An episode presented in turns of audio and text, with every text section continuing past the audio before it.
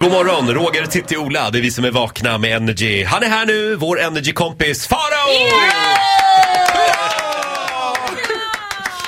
Gud vad jag längtar efter er! Jo, vi längtar alltid efter dig också. Mm. Gör ni det? Ja. Du har ju varit på firmafest. Det pratade vi om igår. Det gjorde vi igår, yes absolut. Du var i Frankrike med TV4-gänget där Ja. du också jobbar. Eh, och du har satt ihop en lista. Tre obligatoriska karaktärer som alltid återfinns på firmafesten. Åh, spännande. Plats nummer tre. Det här är en grupp eller en ensam person, men jag väljer att kalla dem konferensknullarna. Det här är de, alltså, och då ska jag berätta en anekdot. Jag var i, på Island, Reykjavik med en av mina bästa kompisar Sebastian för några år sedan. Och det var, man tänker Reykjavik, vad är det för profil? Ganska lugnt i planet var det. Plötsligt rasar in 50 pers. Det är känslan att det är någon så här, liksom reklamfirma. Det är 49 killar, en tjej. Och det är mycket en, två, tre, Fanta och Rosé! Ja, det var den, ja. ja de är, Förlåt, skulle de till Island? ja på kick-off. Ja, men det är ganska Ja. vanligt på Och- kick-off tror jag. Det Och man såg på de här, det var, liksom, det var så jävla mycket sug i blick.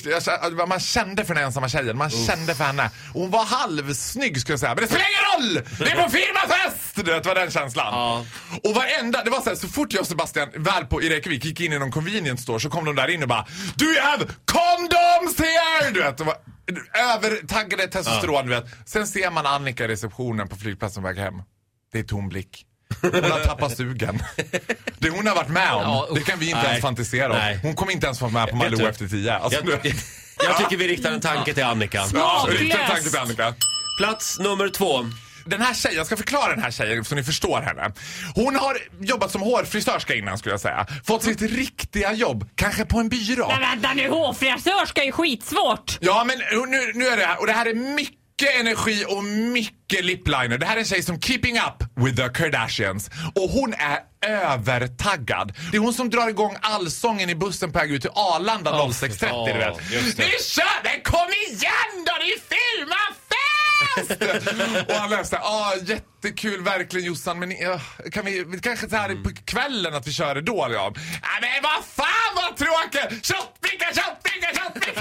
Redan i buss. Redan i, ja, ja, men hon har på hemma redan. De innan. finns, jag jobbar med henne. Ja, ja, men vi, alla har, det här har blivit, alla har varit på Ja, firmafesterna. skjut i huvudet. Plats nummer Det är ett. spännande. Ja, det här är min favorit. Det här är en karaktär som ligger mig mycket varmt om hjärtat. Jag kallar henne Barnfria mamman. Det här är en ensamstående mamma, gärna med två barn, kanske i någon närförort i Stockholm eller en mindre svensk eh, samhälle. Som får åka på konferens. Och här har hon laddat. Hon har laddat, för det här är första gången hon festar på ett och ett halvt år och nu är det liksom en Ayia Napa-känsla. Det är en vecka på Ayia Napa som ska ut på 36 timmar. Hon har liksom känslan, en fuktig mamma är en duktig mamma. Där är tiden ute Faro. Vi säger tack så mycket för den här morgonen. Och jag tackar ödmjukast själv. Du får en applåd av oss. Ja. Hej då!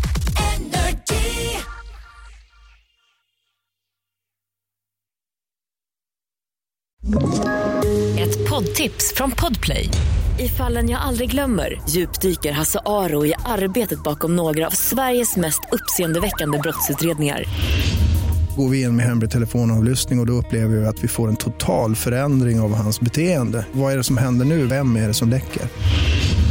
Och så säger han att jag är kriminell, jag har varit kriminell i hela mitt liv men att mörda ett barn, där går min gräns. Nya säsongen av Fallen jag aldrig glömmer på Podplay.